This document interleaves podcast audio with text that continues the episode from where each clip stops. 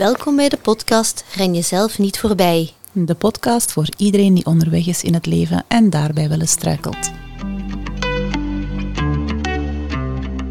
Hallo Priska. Hallo, dag Jessica, bonjour. Hè? We hebben elkaar al gezien vanochtend. Ik heb het gevoel dat we er elke keer voor hebben. Ja, ja. Hè, dus dan zo goedemorgen zeggen is dan een beetje vreemd. Hè? Ja, we zijn Ja. er vier uur geleden hebben we elkaar al gezien. Oh my god. Mensen gaan denken dat wij samenleven of zo. Nee, nee, nee. Nee. Nee, je bent net een week in Calpe geweest. Yes, yes, Ja. yes. Een weekje gaan sporten. Voor sommige mensen klinkt dat als pure horror. Ja. Het was ook af en toe een beetje horror voor mij, want laat ons zeggen dat afdalingen met haarspelbochten niet mijn favoriete onderdeel van eh, de rit waren. Ah ja, maar je hebt het overleefd. Ik heb het overleefd met kramp in mijn vingers van het remmen. Ah ja, oké. Ja, niet van de kou dus, hè. Nee, nee, Nee. Het was, eh, tijdens het fietsen was het wel lekker warm. Oh, fijn. Het is een beetje genoten. Daar is ook wel wat reactie op gekomen. Ja, Zo een moeder die zomaar alleen weggaat. Klopt. Ik had eh, dat een, aantal dagen op voorhand zo af en toe eens een keer aangehaald in mijn stories. Jij zijt een slechte moeder. Goh, dat niet. Misschien dat mensen dat dachten, maar dat hebben ze dan toch niet tegen mij gezegd. Maar zowel, oh amai. Eh, Een aantal reacties waren, ik zou het zelf niet kunnen, mijn kinderen achterlaten. En een aantal reacties waren zo, ja, ja hoe dan? Ja. Hoe, hoe krijg je dat dan geregeld? En echt mensen die dan vroegen in consultaties en zo ook, ja, legt jij dan zo alle kleren klaar voor de kinderen voor elke dag, dat je man weet wat dat de kinderen moeten aandoen en ja, een diepvries vol maaltijden steken en zo? Ah ja, zo zeven pakketjes Nee, klaar. nee, nee, ik doe dat niet. Eh, ja, ik ben nogal wel weg geweest, nog nooit acht dagen, maar toch wel al regelmatig, zo eens een paar dagen, een Ja, weekendje Of, of vijf dagen ben ik ook al eens weg geweest. Zelfs toen de kinderen echt nog heel klein waren. Ik denk dat de jongste toen twee was. Mhm. Maar ja, ik weet het niet. Wij hebben wel een heel gelijkwaardige relatie. Dus als ik zelf weg ben, dan weet hij perfect wat hij moet doen. Want Ja. al die dingen doet hij op dagdagelijkse basis ook regelmatig. Dus ja, ik werd zo'n beetje teruggecatapulteerd naar onze aflevering over het moederen, hè, de mom Ja, guilt. ja. Zelf niet echt last van gehad. Ehm, ja, weet je, hij gaat binnenkort ook een week fietsen in Calpe. Dus dan is het zijn tour en dat lukt mij dan ook. Dus waarom zou hem dat niet lukken? Ja, voilà. mijn gevoel. Maar blijkbaar eh, is gaat dat er toch in heel veel gezinnen niet zo aan toe. Ja, en 8 maart is het weer Internationale Vrouwendag. Ah, dus eh, kunnen we misschien eens een aflevering maken rond rollenpatroon. Ah ja, oké. Ja. Dan gaan we daarvoor dan een man uitnodigen. Ja, dat zou wel tof zijn, hè? Een paar verschillende stemmen Mhm. in de studio. Ja. Kunnen we die van u misschien uitnodigen? Ja, ja dat is ook wel eh, inderdaad een eh, nieuwe man een beetje zo. Mhm. Ehm, ja, ik mag wel zeggen dat ik daar ook heel content mee ben. Ja, met de gelijkwaardigheid. Zo. Ja, allee, dat is ook nooit een probleem om eens weg te gaan. Of ja, ik doe dat ook regelmatig, die reisjes. En Mhm. Ja. ja, mini-avontuurtjes, weekendjes. Daar is ze weer met haar avontuurtjes. of een weekje. Ehm, en ja, dat lukt hier eigenlijk allemaal. Dus het is ook geen rocket science, denk ik Mhm. Ja. dan. Het is best wel een gewoonte, zou je kunnen zeggen. Ja, want daar gaat deze aflevering Hey, over. en zijn er. gespot, ons bruggetje? Een bruggetje, ja. Gewoontes, ja. Gewoontes eh, en gedrag veranderen. Ja. Waarom is dat zo moeilijk? Ja, het is soms ingebed in het leven zo. Een patroon dat erin zit, hè. Ja, van veel gewoontes zijn we ons ook gewoon niet bewust. Ja, die zitten gewoon al in je. Het is een soort van pad, hè. We hebben het ook al wel eens een keer over gehad, denk ik. Hoe dat gewoontes ontstaan en hoe dat, dat voor je brein Ja. gewoontes dingen zijn die heel gemakkelijk gaan, waar dat je eigenlijk niet over hoeft na te denken. Waarbij dat een gewoonte eigenlijk, ze noemen dat ook wel de habit loop, een, een, een rondje.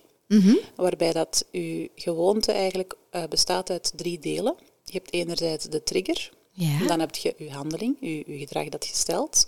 En dan heb je een beloning die daarop volgt. En de Ah, beloning ja. verhoogt de kans dat je de volgende keer bij de trigger je dat gedrag gaat stellen. Ja, En dus heel vaak zijn we ons helemaal niet bewust van onze gewoontes. ja. We hebben goede gewoontes die we misschien onbewust doen, maar vaak hebben we ook slechte gewoontes. Ja, ja. Dus waar we ons ook niet van bewust zijn. eh, pak chips leeg eten.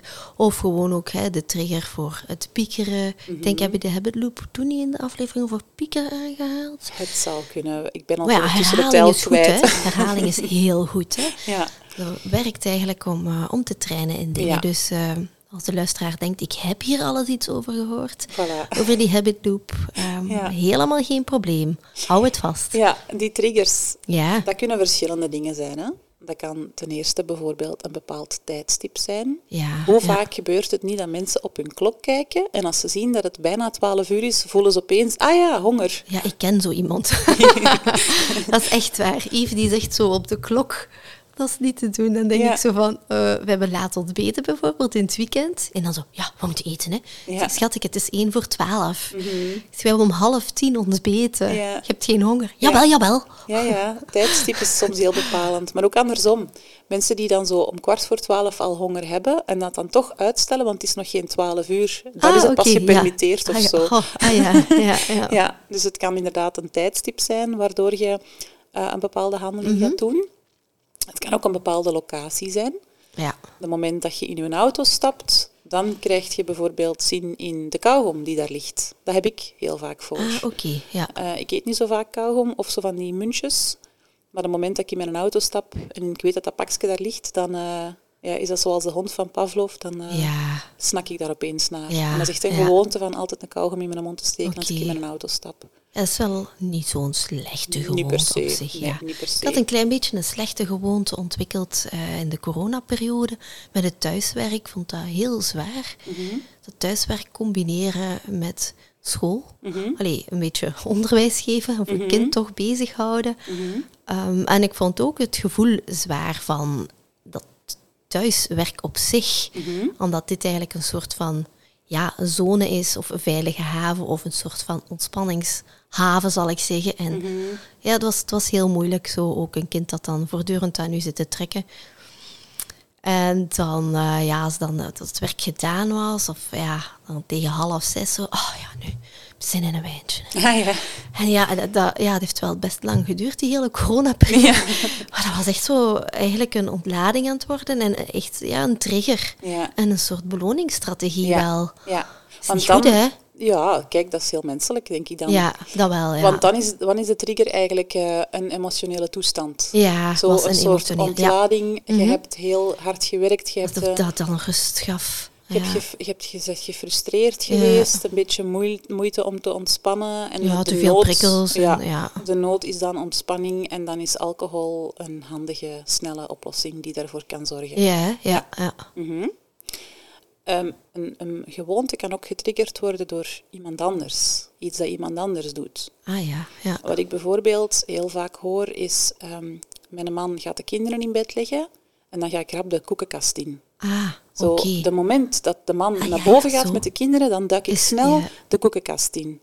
Of zo, wat ik ook wel hoorde vroeger, collega's die zo zeiden van de moment dat eh, een andere collega passeert, kom dan staan we recht en we gaan daar een babbeltje mee doen en we gaan koffie drinken aan de koffieautomaat om een beetje bij te babbelen. Mhm. Dus gewoon het feit dat een bepaalde collega passeerde, was eigenlijk al een trigger om zelf Ah, oprecht ja. te staan en, en even ja. ontspanning te nemen bijvoorbeeld. Ja. En natuurlijk kan een gewoonte ook getriggerd worden door een vorige handeling. Ehm, en dat is vooral iets wat je dan kunt inzetten om nieuwe gewoontes aan te leren. ja, dat als, wel. je, als je toch al, eh, ik zeg maar iets, eh, aan de lavabo staat voor je tanden te poetsen, plak er dan iets aan vast, zoals bijvoorbeeld... eh, ja, Flossen. Flossen. Of ja, wat ik zelf bijvoorbeeld doe, hè, ik ben mama. Het is nodig om bekkenbodemoefeningen te blijven doen heel mijn leven. En dat doe ik dan vaak als ik mijn tanden aan het poetsen ben. Ik sta Ah, daar toch al, ik doe dat tegelijkertijd. Dat is zo onlosmakelijk met elkaar verbonden geraakt ondertussen. Ah ja. Als manier om het toch gedaan te krijgen. Ja. Goed zeg. En dan heb je de triggers, maar dan heb je ook inderdaad de beloning. Mhm. Wat zijn beloningen? Ja, je zei het er juist al, je ontspanning Mhm. die dat je ervaart. By the way, Priska, haar moderne nieuwe man, is ondertussen de boodschappen aan het uitladen op de achtergrond. Dus als je lawaai hoort, dan is het dat. Ja. Veel beloningen zijn zo inherent aan hetgene dat je doet. Mhm. Maar het kan ook helpen om ehm, nieuwe gewoontes aan te leren door zelf een beloning te gaan zoeken. Ja. Ik geef soms het voorbeeld ehm, in, in donkere, natte periodes. eh, en ik loop misschien niet graag in die periode. Ja. Dan kan het mij soms motiveren om toch te gaan lopen. Gewoon omdat ik weet dat ik nadien een lekker warm badje mag pakken. Ja. Dus ehm, het goede nieuws is wel dat die gewoontes wel stuurbaar zijn. Ja. Toch? Zeker. Het is niet gemakkelijk daarom, maar het kan wel. Mhm. Want de gewoonte is een bepaald gedrag dat je stelt. Hè? Mhm. Je hebt zo de drie G's. Eh, dat is geen netwerk. eh, maar dat is 3G. misschien wel een beetje Ondertussen netwerk. is het 5G. Het is ondertussen 5G geworden, ja. We zijn hier een beetje achter, hè. In de Limburg. Ja. Dus je hebt eh, gevoelens, gedachten en gedrag. Mhm. Gevoelens die komen soms heel erg binnen of die zijn er aanwezig. Gedachten, ja, ja zeg maar iets. Die Jessica. gewoon. Ja, denk eens niet aan een roze olifant. Het is gebeurd natuurlijk al ondertussen, hè, dus die Mhm, zijn ook niet ja. stuurbaar. Je ziet hem voor en dan heb je gedrag. En dat kan je wel sturen. Ja, ik, eh, ik leg dat soms uit bij mijn cliënten aan de hand van een... Ja, jij haalt een, een vrolijke roze olifant aan. Mijn Ja. voorbeeld is eigenlijk een beetje meer luguber. Oei. Beeld u in dat er plots hier zelfs een gek binnenkomt met een pistool. En die Mijn hartslag gaat al omhoog, ja, hè? Ja, voilà. Het idee alleen al. Maar die richt een pistool op u. En die zegt, als je nog maar een beetje bang bent, nog maar iets van angst voelt, dan schiet ik u af. Zou het u lukken om niet bang te zijn? Ja, nee, ik ga natuurlijk wel Uiteraard. echt Je heel erg keibang. bang. Ik, heb, ik Ja. hoop gewoon dat hij dat dan niet voelt. Hoe- Ja, maar hij, ja, hij, ziet het aan u en hij schiet u dood, sorry. Oké. Oké, een ander voorbeeld. Diezelfde man staat nog altijd met dat pistool op u gericht en die zegt, als je nog maar denkt aan het feit dat ik hier met dat pistool op u gericht sta, dan schiet ik u af. Zou je aan iets anders kunnen denken dan aan dat pistool? Ja, nee, nee, dat gaat eigenlijk ook niet lukken. Nee, nee, nee, Ja, die staat daar wel. En, Ja, allee, ja. Dat is, die, dat- ja. Oké, dus je zei weer dood, sorry. Ik vond die andere podcastafleveringen wel leuker hoor. Ja, maar wacht, er is ook goed nieuws. Ah, Stel dat hij nog altijd met dat pistool op u gericht staat en die zegt, als je recht staat van uw stoel, dan schiet ik u af. Ah, ik blijf braaf zitten. Voilà. Ja, zo ben ik. Pleaser. ja, dat wel. Lukt het u om te blijven zitten? Ja. Ja, ja, ja, ja. ja. Ja. Dus uw gedachten en uw gevoelens, daar heb je dikwijls geen controle Mhm. over. Dat komt gewoon, dat kun je niet Ja. veranderen vaak. Maar uw gedrag kunt je wel sturen. Je kunt blijven zitten op die stoel, ook al schreeuwt uw hele lijf. Je moet maken dat ik hier weg ben. Mhm. Ja. Maar als je weet, dan schiet het mij af, ja, dan blijf ik zitten. Ja, ja. Dus we kunnen ons gedrag wel degelijk veranderen. Oké. Als we er in eerste plaats van bewust zijn. Ja, dat is de eerste stap. Ja, dus dan is het goed om eens na te denken over, ja, wat zijn dingen die ik wil veranderen? Ja, Wat zijn gedrag stel je en hoe ehm, word je ervan bewust? Mhm. Soms zijn het ook controlestrategieën hè, die je hebt, bijvoorbeeld. Ja, dat moeten we misschien eerst uitleggen. Ja, Wat zijn controlestrategieën? Ehm, ja, dat zijn eigenlijk eh, ja, gedragingen die je stelt om situaties onder controle te krijgen of gevoelens of Mhm. gedachten waar dat je dan niet bewust van bent. Ja. Eh, bijvoorbeeld overprikkeling. Mhm. Eh, ik zeg maar wat. Eh, wat ga ik zelf doen? Als jij overprikkeld bent, wat gaat je dan doen? Ja, als ik er niet van bewust ben, hè, Mhm.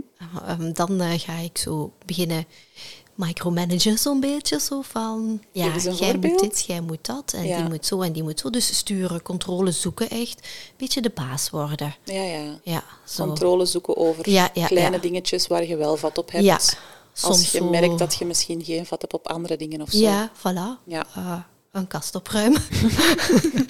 of zo van die dingen, zo wat rommelen in huis. En zo, oh, ja, Ja. Dat, dat moet hier op orde geraken. Maar eigenlijk moet ik op orde geraken. hè. Ja, ja, Dus van het moment dat ik het dan begin door te hebben, ping. ja. Gaat er Ja. zo'n lampje aan en dan... Ah, eigenlijk moet ik rust nemen. Ja. En niet tegenover iets. Dus heel erg gaan doen. In de Ja. doen, doen modus komen. Ja, een beetje vechten eigenlijk tegen de ja, situatie. dat is vechten. hè. Je hebt ook vluchtstrategieën. Mhm.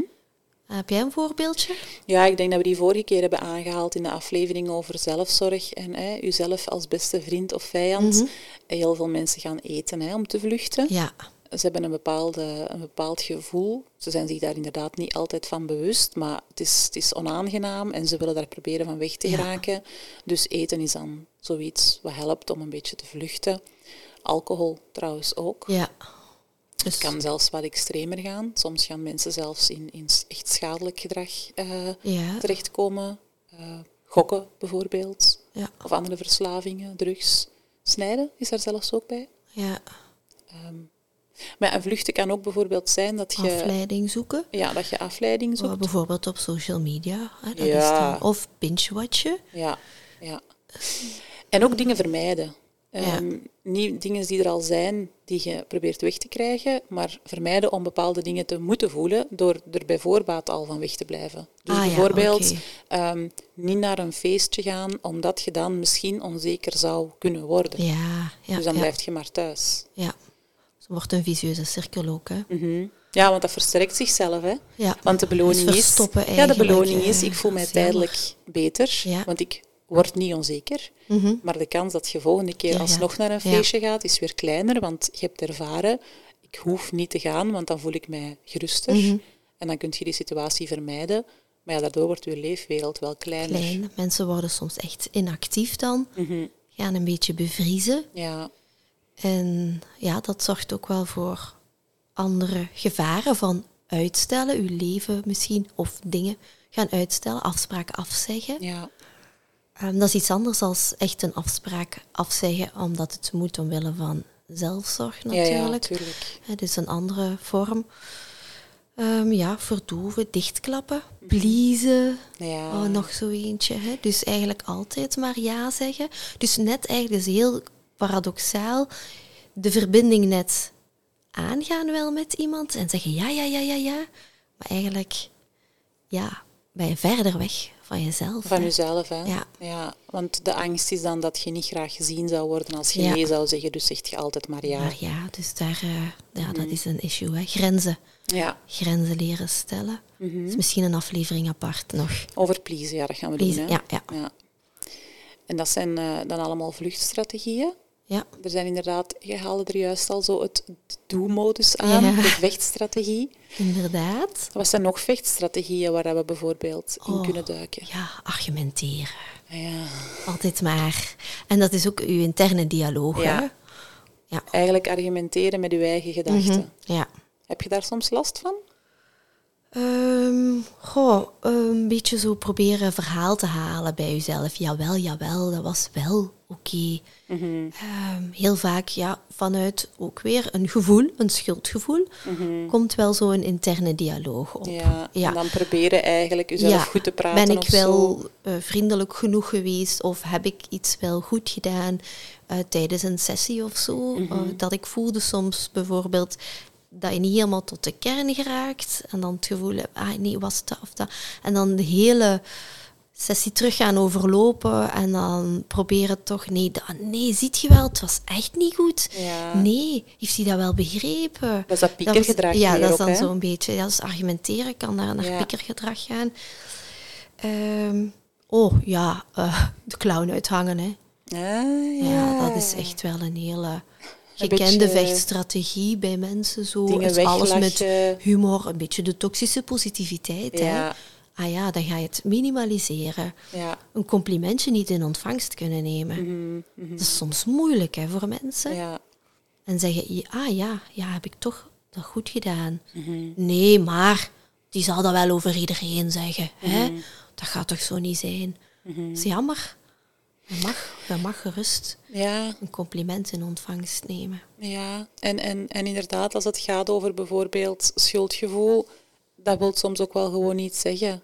En, en u daarvan bewust worden van waar gaat dit over, waar komt dit vandaan, dat kan al een hele hulp Mhm. Ja. zijn. Maar als je er elke keer meteen van weg probeert te blijven, Ja. dan gaat u dat ook niet lukken. Nee, dan leert je die dat. gevoelens ook niet echt kennen en Ja. dan leert je ook niet kennen wat dat die eigenlijk willen zeggen. Ja, het is dat teruggaan. Eigenlijk gaat het vaak over heel andere dingen natuurlijk, die in de kern liggen. Hè. Mhm, mhm. Ehm, nog een vechtstrategie is misschien schelden hè, op jezelf of op anderen. Ehm, de basiswoorden, dat hebben we al een beetje. Hè? Dus dat je tegen anderen gaat zeggen van pak u eens bijeen. Hè? Zo Ja. erg is dat toch niet. En tegen Of jezelf. tegen jezelf ook. Ja. Ja. Doe nu niet zo flauw tegen Ja. je eigen hoofd. Ja. Ja. En perfectionisme. Mhm. Hangt daar ook heel Mm, hard mee samen. ja. Hè? Ja, ja, ja. Proberen een, een situatie zo goed mogelijk te doen, om dan eigenlijk ja, niet geconfronteerd te worden met eventuele gevoelens van inadequaat zijn. Terwijl juist daardoor houd je dat Ja. extra in stand. Ja, een Mhm. beetje ook. Ja, dat imposter syndroom, waar veel vrouwen toch last van hebben, zit daar ook ergens. ja, Ik weet niet of dat alleen vrouwen zijn hoor. Ja, Ik denk dat iedereen daar wel, veel mensen daar last van hebben, ook mannen. Dat denk ik wel. ah, oké. Ja. In het algemeen gewoon dingen die we vaak op automatische piloot doen, waar dat we ons niet allee, bewust van zijn, Mhm. Omdat we ja, in de red race van het leven maar gaan, gaan, gaan en proberen overeind te blijven met, met alle uitdagingen die op ons pad komen. Ja, want die controlestrategieën, ja, die zijn natuurlijk ook overlevingsstrategieën. Hè? Ja, en het, het lastige is dat die op korte termijn natuurlijk werken. Ja, en op niet op korte. Nee, op Ja. korte termijn leveren die inderdaad even tijdelijk een goed gevoel op. Je hebt even het gevoel Ja. dat je de controle hebt over een bepaalde situatie, dat je even inderdaad de baas bent, dat je eh, iets lastig hebt kunnen Ja. vermijden of ontwijken. Maar op de lange termijn, ja, we zeiden het er juist al, gaat dat dikwijls je leven moeilijker maken. Ja, En dan is het ehm, ja, goed om je ervan bewust te proberen worden. Dus misschien aan de hand van de voorbeelden die we gegeven hebben ook eens nadenken. Wat zijn uw controlestrategieën, lieve luisteraar? Ja. En deel ze gerust. Ja. Mag ook anoniem. ja. En dan eens gaan nadenken, wat wil ik in de plaats daarvan doen? Ja, want ons gedrag kunnen we wel sturen. Wat zijn eventuele slechte gewoontes die je zou willen veranderen? Of goede gewoontes die je zou willen proberen te creëren? Ja. En dan te gaan werken aan die, de verschillende componenten van een gewoonte. Hoe kun je ervoor zorgen dat je gedrag getriggerd wordt? Zijn er bepaalde triggers die er al bestaan en wilt je daar in het vervolg anders op reageren? Of wilt je bijvoorbeeld nieuwe triggers gaan creëren? Ja. Ehm, een slechte gewoonte die cliënten soms aanhalen is, ik eet heel snel. Mijn eten is al lang binnen, eer ik door heb dat ik eigenlijk al lang genoeg had. En dan ben ik overvol en heb ik mij overvol gegeten. Ja. En dan, oké, de bedoeling is dat we gaan trager eten, maar hoe kun je ervoor zorgen dat je dat doet? En dan geef ik soms de tip, leg een eh, zandlopertje of een ander item in je bestekla. En als je de tafel dekt, zet je dat mee op tafel voor je bord als een visuele trigger om eraan te denken, Ja. rustiger eten.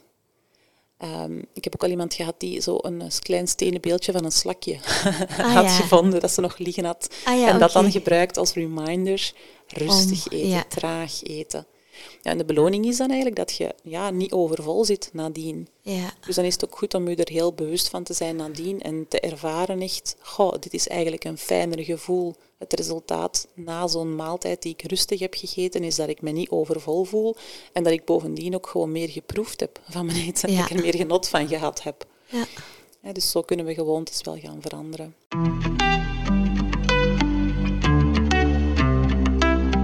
Dus dat is eigenlijk een voorbeeld van eh, ja, het eh, nudging-perspectief, zoals ze, dat ze dat noemen. Hè? Als je Ja. gaat kijken van ehm, wat, welke theorieën zijn er bijvoorbeeld om gedrag te gaan veranderen, om die gedragsui Mhm. een beetje te gaan, gaan pellen.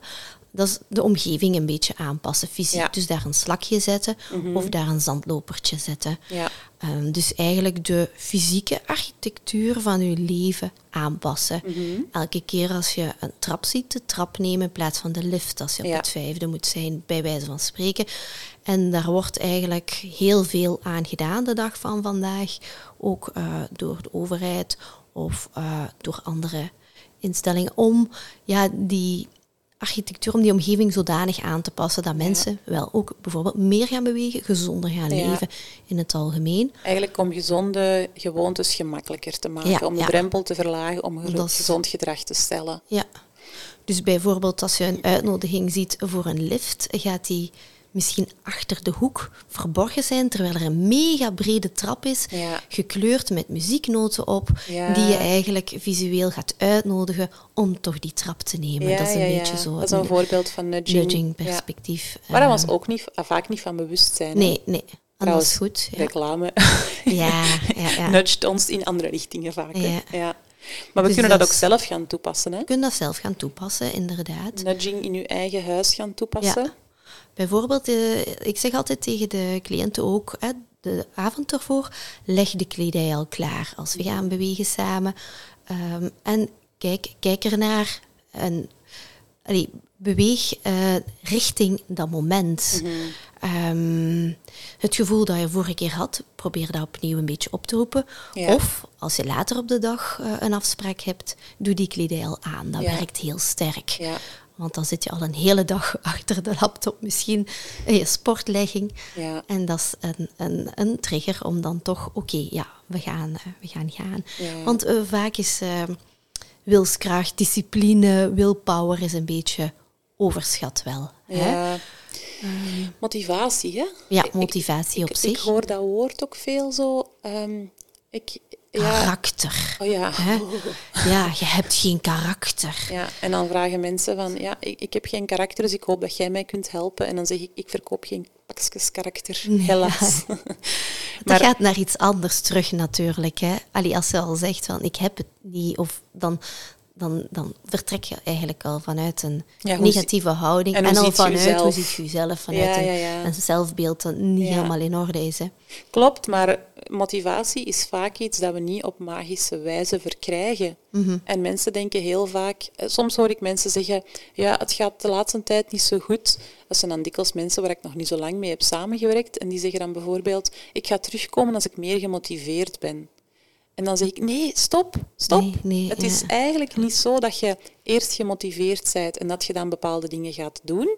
Het is andersom. Het is Ja. door bepaalde dingen te doen, ook al zijt je misschien nog niet gemotiveerd, dat Ja, de ja. motivatie vaak komt. Komt, ja. Omdat je dan de voordelen begint te ervaren en dat je dan hè, je zelfvertrouwen ook krijgt. Ik heb het toch maar weer gedaan, ik heb het toch Mhm. maar weer gekund.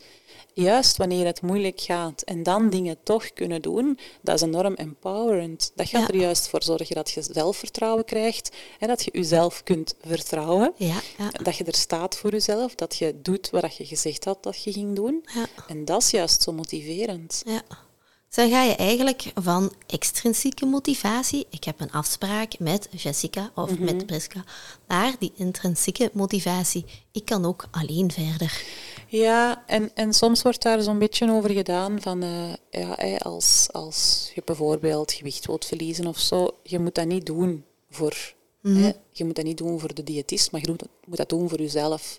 En ik ben het daar op zich wel voor een stukje mee eens, maar ik vind het ook wel oké dat dat in het begin wel zo is. Dat je het misschien in het begin wel een beetje voor mij doet, Ja, tot je begint te merken dat het voordelen heeft voor jezelf en dat je inderdaad op een duur wel zonder mij verder kunt. ja, Maar ik vind het oké als, dat, als dat iets is wat, wat nodig blijft. Ik heb gisteren bijvoorbeeld een cliënt ehm, nog teruggezien die eigenlijk vier jaar geleden voor de eerste keer bij mij is gekomen.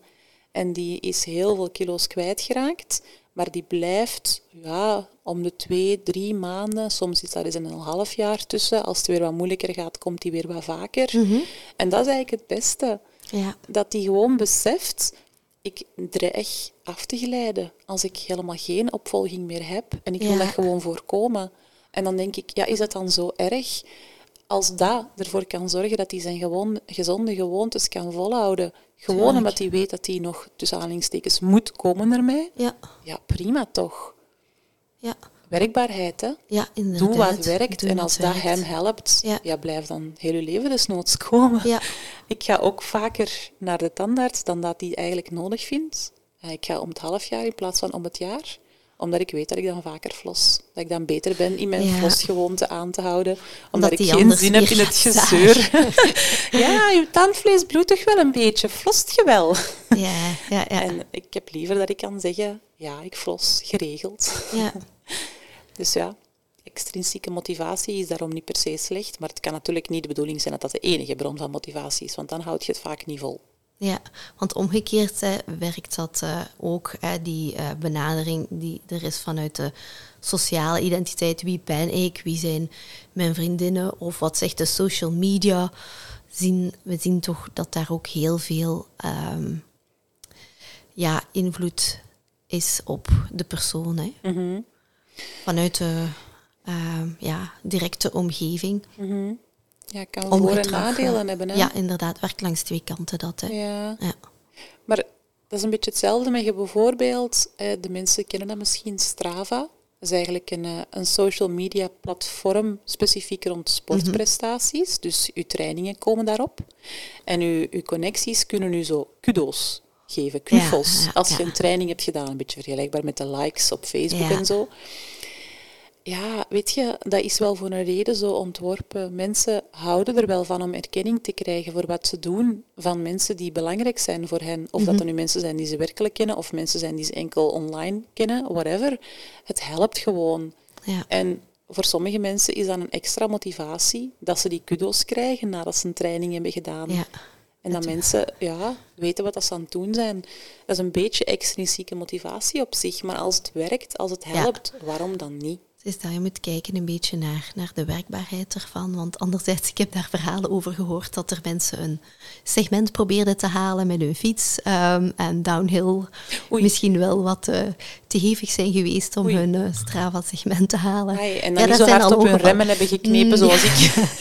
Ja, voilà, je gaat dat segment dus niet hebben gehaald. Heel goed gedaan. Ik sta first. Ehm, ja, het werkt langs twee kanten. Je moet kijken wat voor jou natuurlijk het, eh, Ja, ja, werkt. want het kan ook zeker negatieve effecten hebben. Hè. Mhm. Ik weet ook wel mensen die hun Strava eraf hebben gegooid omdat ze merkten dat het hen te hard Te hard, pushte. ja. eh, om vaker te gaan dan goed was, bijvoorbeeld. Ja, is dat is ook niet de bedoeling. Ja, een beetje zoeken wat werkt. Ja, het is dat. Eh, dus we hebben hè, vanuit het eigen zelf, de zelfdeterminatie, eh, de, die discipline, wilskracht, Mhm. ehm, die eigenlijk komt soms door extrinsieke factoren. Mhm. hè. Eh, die sociale context en dan die nudging, dat zijn zo'n beetje de grote theorieën rond gedrag. Mhm. Maar ja, ik heb eens gelezen dat je maar 21 dagen nodig hebt om een gewoonte te veranderen. Ja, je leest dat, je hoort dat. Ik denk, ja, 21, voilà, ze. Klinkt wel een beetje simpel, vind je dat Ja. niet? Als je dat gewoon al leest. Waar is dat eigenlijk van afkomstig? Dat was blijkbaar een bepaalde plastisch chirurg die, eh, die begon te merken dat wanneer mensen bijvoorbeeld een, eh, een amputatie hadden moeten ondergaan, dat het gemiddeld ongeveer 21 dagen duurde eer die wat gewend waren aan dat beeld, dat idee Ja. dat, dat ze een been of, of zo misten. Ah, oké. En dan is hij zo'n beetje beginnen nadenken over zijn eigen ervaringen van gedragsverandering. En dan begon hij te merken, zo ja, meestal na een week of drie heb ik wel de indruk dat ik iets gewend ben van te doen. Maar echt volledig wetenschappelijk onderbouwd is dat niet op die manier. Ja, ja. En dat is een cijfer dat dan zo vaak wordt overgenomen door allerlei goeroes vooral en zo. ja. Maar- ah, oké. Ja, We zitten nu in die categorie. de goeroes. Ga ja, nee. Weet je, eh, het klinkt aanlokkelijk natuurlijk. Hè? En als jij een bepaalde methode hebt en je kunt verkopen en zeggen, doe dat 21 dagen lang en dan is het een gewoonte en dan kost het geen moeite niet meer. Als mensen dat geloven, werkt dat soms ook wel, want dat is een beetje het placebo-effect Ah ja, natuurlijk. hè? Als jij ja. op voorhand denkt, ja, 21 dagen doorbijten en dan ben ik er, kan Ja. helpen. Ja. Ehm, maar langs de andere kant loopt je dan weer het risico dat mensen die merken dat het na 21 dagen nog altijd moeite kost, zwaar teleurgesteld zijn in zichzelf. En helemaal terug naar af zijn. Ja. Dus ik vind het eerlijk gezegd realistischer om te blijven benadrukken dat sommige gewoontes heel diep ingebed zitten in ons brein en dat een nieuwe gewoonte creëren mogelijk ja, tijd gaat vragen. En, en dat het ook niet zo is dat wanneer je een nieuwe gewoonte gecreëerd hebt, dat die oude weg is. Hè, Als je dat vergelijkt met ehm, als je een huisje hebt in het bos en je wandelt elke dag via dezelfde route, dan is dat pad heel ja, diep dat pad. Daar uitgesleten. het nog eens over hebben. Dat pad, hè? Dat was dat pad van helemaal in het begin, Ja. waar we het over hadden. Dat, dat pad in je brein, dat heb je zo vaak gelopen, dat gaat Ja. helemaal vanzelf. Daar groeien geen takken niet meer over en daar heb je geen boomwortels niet meer waar je over kunt struikelen. Dat kun je bij wijze van spreken met je ogen dichtlopen. Ja. Maar als je een nieuw pad moet beginnen bewandelen doorheen dat bos, dan moet je met een kapmes dingen weghakken. Struikelt je misschien af en toe. En af en toe kom je op dat oude pad per ongeluk terug uit. En dan loop je het risico dat als je niet oplet, dat je terug op dat oude pad begint te wandelen. Ja. En ja, dan is het een kwestie van te blijven bewust zijn op welk pad zit ik. Ja. En ook te realiseren dat je niet hoeft te wachten tot je terug aan je huisje bent om dan terug een nieuw pad te gaan bewandelen. Je kunt op enig welk moment terug gaan zoeken naar wat is mijn nieuw pad hier en een nieuw doorsteekje creëren. Ja, en daar blijven doorwandelen, blijven doorwandelen, en dan, blijven doorwandelen. Ja, heel tot het weer breder wordt. Heel vaak dat nieuw pad nemen totdat het zo breed mogelijk wordt. En dat er misschien twee brede paden zijn. Maar dat oud pad, ja, daar moet je lang niet over gewandeld hebben eer dat dat terug opgeslokt is door de natuur. Hè. Ja, ja, ja. Het risico bestaat altijd dat je daar soms toch eens terug terechtkomt. Gaat het wel over dat ene nieuwe pad, maar dat dat andere dan nog bestaat? Ja. Ja, dat wordt niet zo heel vaak aangehaald. Mhm. Dus dat we soms dus terug op dat paadje belanden. Hè. Mhm. En dat het dan ook gewoon oké is, dat je dan op dat moment kunt beseffen dat dat menselijk is. Ja. die, uh, mindful self-compassion op dat moment aanhalen. Inderdaad. En weten, ja, kijk, het is heel menselijk dat dat gebeurt. Het is ook oké. Ja. En um, wat ik ook nog wil zeggen over dat pad, ik denk dat we dat ook al hebben aangehaald, maar nogmaals, herhaling helpt. Ehm, je hoeft niet per se dat nieuw gedrag te stellen om dat pad in je brein te verbreden. Ah, dus u inbeelden, ja, u heel levendig inbeelden dat je dat gaat doen, dat mhm. helpt ook al. Hè. Zoals ah, je er straks zei, voor, ja, voor je training haal het gevoel terug dat je had na je laatste training mhm. bijvoorbeeld. Denk daar nog eens over na. Hoe voelde dat? Hoe was dat? Dat gaat er ook voor zorgen dat dat pad in je brein duidelijker wordt. En dat dat wegske doorheen hè, de zenuwbanen in je brein de volgende keer gemakkelijker genomen gaat worden. Ja, dat werkt heel sterk, hè, visualisatie. Absoluut. Wordt ook gebruikt in de mental coaching. Topsport. Ja. Ook veel. Uh, ja. Affirmaties ook, mantras, dat mhm. werkt heel sterk. Hè. Mhm. Dat zijn eigenlijk wel tips om misschien mee te geven um, aan de luisteraar. Kleine tips hè, om een uh, gewoonte te veranderen. Mhm. Maar ook uh, een belangrijke tip is dat je gewoon onderweg bent. Ja. En dat je niet moet verwachten van de ene dag op de andere dat iets ineens verandert. Ik wil ook nog wel even terugkomen op die motivatie. Mhm. ik, ik, vraag vaak aan mensen vijf keer waarom. Mhm. Dus als mensen bijvoorbeeld zeggen van ik wil gewicht verliezen, ah ja, en, en waarom is dat dan belangrijk voor u? Ja, ik wil beter in mijn vel kunnen zitten. Oké, en waarom is dat dan belangrijk voor u? en zo blijven doorvragen om echt tot bij die kern te komen. Wat is werkelijk de reden waarom je dat zou doen? Ja. Dat vergroot je motivatie, want dat gevoel dat daar echt ergens onderliggend onder zit. ik, wil, mhm. ik wil een fitte mama kunnen zijn en ik zie mezelf met mijn kinderen spelen, terwijl ik dat nu bijvoorbeeld maar moeilijk kan, want ik ben direct buiten adem en zo. Dat haalt veel meer verlangen naar boven om er dan effectief iets aan te gaan doen dan zo het eerste oppervlakkige antwoord dat je krijgt. Ja, ik wil afvallen en ja, dan zit ik beter in mijn vel en kan ik beter in mijn kleedjes. Dat is niet diep genoeg om u op moeilijke momenten eventueel daardoor te halen. Dan ga je ook echt naar de kern, hè? naar mhm. de waarde en naar ja, een waardegericht leven. Want die waarde is niet afvallen, maar die waarde is ja, verbinding zoeken, dichter bij mijn kind zijn. Ja, fijne dingen kunnen beleven met mijn kind. En als je dat naar boven kunt halen op momenten mhm. dat je het moeilijk hebt, kunt visualiseren ja.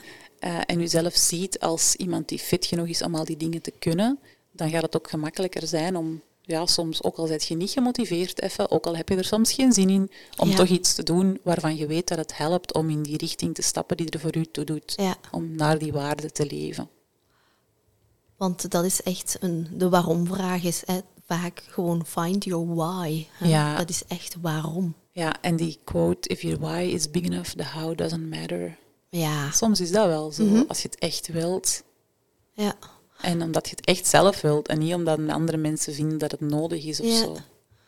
Ja, hetzelfde doe ik ook een beetje rond bewegen dan. En mhm. mensen hebben inderdaad meerdere redenen. Mhm. En dat worden dan ook meerdere motivaties, waardoor dat als er eens eentje wegvalt, de rest overeind blijft. Mhm. Dus er is altijd wel iets over om wel te gaan bewegen. Ja. ja, wat zijn zoal voorbeelden die mensen aanhalen van hun motivaties? Um, ja, ook zo een fitter gevoel. Um, het fijn gevoel achteraf is een hele grote ja. zo. Um, ja, ik moet dat doen. Uh, ja, een beetje zo van, ja... Hmm. Het hoort zo. Het hoort zo. Ah, ik zit al twee jaar op een stoel en ik ben niet meer aan het bewegen. Ja, zeg, ja waarom moet dat? En mm -hmm. moet het? Want het gaat dan over mensen denken van ik moet een abonnement ergens pakken en ik moet drie keer in de week naar de sportschool gaan. Mhm. Maar je kan die beweging ook integreren in je dagelijks leven. Hè. Mhm. Dus dat gaan we proberen. Maar eh, andere motivaties inderdaad om ook ja, terug fitter te zijn, die, verbinding te zoeken, ehm, rustiger te worden, minder Mhm. gevoelens van ehm, ja, stress eh, te ervaren. Dus er zijn eigenlijk een hele hoop motivaties die teruggaan naar op zich u gewoon een, een, een fijnere, rustigere persoon. eh, Stabieler. stabieler. Ja. Ja, eh, minder schommelingen. Mhm. Ik zou niet durven zeggen van, want dat hoor ik vaak, ik wil beter worden. Mhm. Dat, ja, het is een pad, hè. je bent onderweg. Hè. We gaan Mhm. ook struikelen en een zachterwaarts lopen, letterlijk. ook doen we dat. Ehm, maar het is onderweg zijn. Hè. Mhm. Dat is ja, bij jou ook zo, hè. merk je wel. Toch? Ja, maar ja, beter worden, pas op, dat motiveert mij ook wel. Mhm. Als ik merk dat de inspanningen die ik lever ervoor zorgen dat er een beter resultaat is, zijn de sneller bijvoorbeeld, dan Ja. motiveert mij dat ook wel. Ja. Maar ehm, Het is niet het hoofddoel, ik zal het nee. zo zeggen. Ja. En, en dat kan mij soms pushen om bijvoorbeeld tijdens een bepaalde training dieper te gaan. Mhm. Maar dat ik buiten ga, dat ik buiten kom, wordt Ja. toch inderdaad wel vooral gedreven door het fijne gevoel Ja. tijdens, nadien. Connectie met de Blister Sisters bijvoorbeeld helpt daar ook enorm bij. Fun factor een beetje, hè. het leren genieten echt van het bewegen. Ja, en het, het leren genieten van het proces, ook al is er nog niet meteen resultaat. Mhm. Ja. Want van één training word je ook niet sneller of fitter. Ja. En dan is het goed om inderdaad, hè, als, als je je habit loop hebt en je kijkt naar de beloning, dat je echt zoekt naar een vrij onmiddellijke beloning. En soms is de beloning gewoon trots zijn dat je het gedaan hebt. Ook al had je geen zin. Ja. Ook al voelt Ik je vind je dat niet een per se hele beter. grote beloning voor jezelf. Hè? Een overwinning, hè? die, die betrouwbaarheid weer vergroten en dat zelfvertrouwen. Want ik heb dit voor mijzelf wel op de agenda gezet. Ja, ik had, eh, ik had onlangs eh, aan een cliënt verteld. Het ging over lopen en het feit dat we dan soms zo, hè, zelfs in de regen lopen en dergelijke. En ik zeg van, ah, ik voel me eigenlijk altijd zo bijreis. Als we zo echt door de gietende regen Ja, of zo in het donker, gelijk vanochtend, Ja. vond ik ook wel zo. Ziet Ja. ons hier nu. Maar zeker, Hier wonen wel zeker zo- everswijnen. Hè? en wij zijn hier wel, hè. Soms horen Die we die komen knorren. Ja, Ja, maar zo het, het gegeven van daar toch door te gaan. ja. ja. Dat roept bij mij toch ergens zo een soort van trots op. Ja. En ik vond dat wel leuk, want die cliënt die begon, die vertelde deze week dat ze eh, meer en meer met de fiets ook naar het werk aan het gaan is. Mhm. Zelfs als het koud was en zelfs als het regende en hard waaide. En dat er collega's allemaal zoiets hadden van, amai, gaat je Ja. daar door? En ze zei, ah wel, dat is wel waar wat jij zei. Ik voelde me ook zo bijreis. Ja, ja. ja, dat is wel zo. Dus dat kan ook, wel, ook zo, kan ook echt wel helpen. Ja. Ja, dus plezier halen uit het ding zelf en niet alleen het resultaat ervan. En dat is ook wat ik dan vaak aanhaal als, als ik vraag van ehm, wat zijn uw doelen? Ga doelen formuleren die niet gaan over een resultaat, Ja. maar over effectief gedrag dat je wilt stellen. Ja. Want daar kun je veel meer van controleren dat je het inderdaad doet. Ja. Terwijl je resultaat kunt je niet, heb je niet altijd in de hand. Er zijn altijd factoren die je resultaat gaan tegenwerken misschien. Bijvoorbeeld een gewicht, ja, dat hebben we niet volledig onder controle. Sommige mensen kunnen echt heel hard hun best doen en halen toch niet het gewicht dat ze graag zouden willen hebben om allerlei fysiologische redenen. En dan zou het jammer zijn dat je je goede, gezonde gewoontes opgeeft omdat je het resultaat niet haalt. Maar als uw waarde is, ik wil gezond en fit zijn, dan staat dat ook een beetje los van dat cijfer. Ja. Ik wil mezelf kunnen zien als iemand die fit is en die, die bepaalde uitdagingen niet uit de weg hoeft te gaan omwille van belemmeringen van mijn lichaam en dergelijke. Dat zijn dingen die je kunt doen, Ja. die je effectief kunt, waar je effectief eh, kunt gaan sturen. Ja. Dus dat is ook wel een, een tip die ik wil geven als je dingen wil veranderen. Hou vooral het gedrag zelf in de gaten en niet per se Ja. het achterliggende doel zich, in de vorm van een resultaat. Ja. En dan nog een andere tip die ik eh, graag wil meegeven aan onze lieve luisteraars. Laatste tip van de dag. Wacht, waar zijn die geluidjes? Oei, nee. Oh. Als je bepaalde gewoontes hebt die je wilt veranderen, slechte gewoontes, gewoontes waar je niet blij mee bent, is het ook goed om te gaan kijken, oké, wat is de achterliggende nood? Mhm. Wat wil ik proberen te bereiken met deze gewoonte en hoe kun je die vervangen door iets dat wel nuttig, handig is, wat je op een, een of andere manier hetzelfde oplevert. Ehm, een voorbeeld om het duidelijker te maken. Iemand die uh, in de loop van de namiddag altijd even recht staat en dan naar de snoepautomaat wandelt op het werk. Misschien had hij helemaal geen zin in snoep of helemaal geen honger, maar had hij gewoon behoefte om even de benen te strekken, even weg te stappen van het werk. Dus Mhm. misschien kun je in plaats van snoep te gaan eten, gewoon even rap naar buiten gaan, frisse neus halen. Ja. Of even een babbeltje inderdaad gaan doen met iemand. Ehm, ja, dat soort dingen. ja, dus er ook al in de eerste plaats bewust van worden dat je die gewoonte hebt. Want sommigen vinden het ook gewoon fijn om naar de snoepautomaat te wandelen. Ja, dat mag. Ja. Geniet er dan mindful van. Dus dat zou ik zeggen. Hè? En dan als je ook merkt van dat er bepaalde gewoontes zijn die toch heel erg ingebed zijn, maar ook misschien niet zo goed zijn voor je levensstijl Ja, of op lange termijn schadelijk voor jezelf zijn, dat je daar dan toch wel mee verder gaat en misschien professionele hulp zoekt. ja, dat kan zeker en vast. Een gouden tip. Je hoeft het niet alleen te doen. Heel mooi gezegd, Jessica. Tot de volgende keer. Doei! Dag.